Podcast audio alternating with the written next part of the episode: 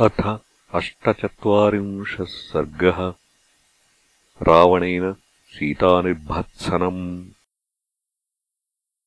एवम् ब्रुवन्त्याम् सीतायाम् संरब्धः परुषम् वचः। ललाटे भ्रुकुटीम् कृत्वा रावणः प्रत्युवाचः।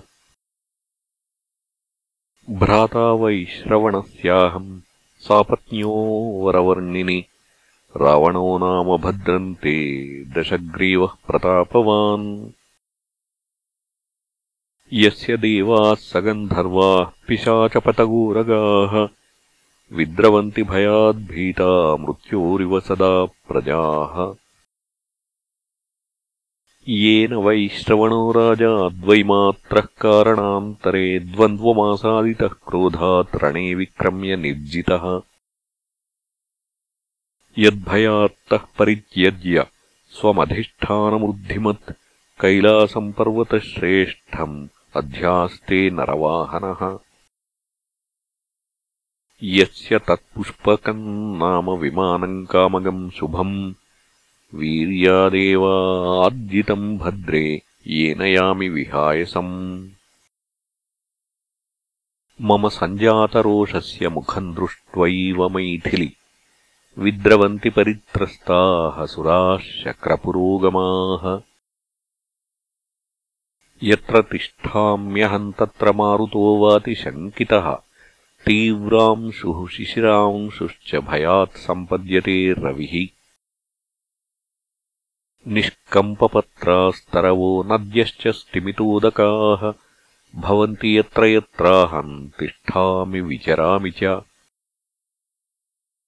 मम पारे समुद्रस्य लङ्का नाम पुरी शुभा सम्पूर्णा राक्षसैर्घोरैः यथेन्द्रस्यामरावती। प्राकारेण परिक्षिप्ता पाण्डुरेण विराजता हेमकक्ष्या पुरी रम्या वैडूर्यमयतोरणा। हस्त्यश्वरथसम्बाधा तूर्यनादविनादिता सर्वकालफलैर्वृक्षैः सङ्कुलोद्यानशोभिता। तत्र त्वम् वसती सीते राजपुत्रि मया सह। न स्मरिष्यसि नारीणाम् मानुषीणाम् मनस्विनी। भुञ्जानामानुषान् भोगान् दिव्यांश्च वरवर्णिनि। न स्मरिष्यसि रामस्य मानुषस्य गतायुषः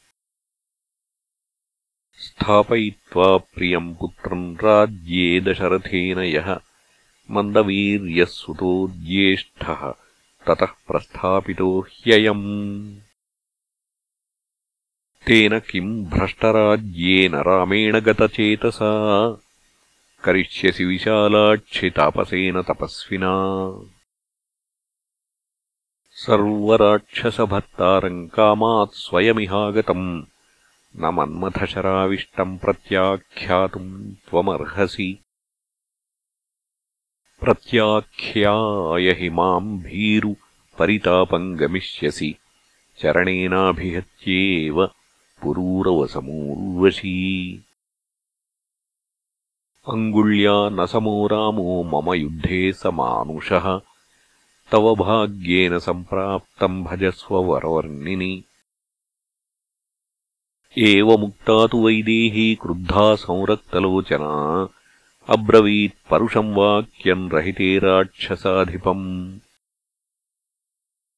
कथम् वैश्रवणम् देवम् सर्वभूतनमस्कृतम् भ्रातरम् व्यपदिश्यत्वम् अशुभम् कर्तुमिच्छसि अवश्यम् विनशिष्यन्ति सर्वे रावणराक्षसाः येषाम् त्वम् कर्कशो राजा दुर्बुद्धिरजितेन्द्रियः अपहृत्य शचीम् भार्याम् शक्यमिन्द्रस्य जीवितुम्। न च रामस्य भार्याम् माम् अपनीयास्ति जीवितम्। जीवेच्चिरम् वज्रधरस्य हस्तात् शचीम् प्रधृष्याप्रतिरूपरूपाम् न मादृशीम् राक्षसदूषयित्वा पीतामृतस्यापि तवास्ति मोक्षः। इत्यार्षे श्रीमद् रामायणे वाल्मीकीये आदिकाव्ये अरण्यकाण्डे अष्टचत्वारिंशः सर्गः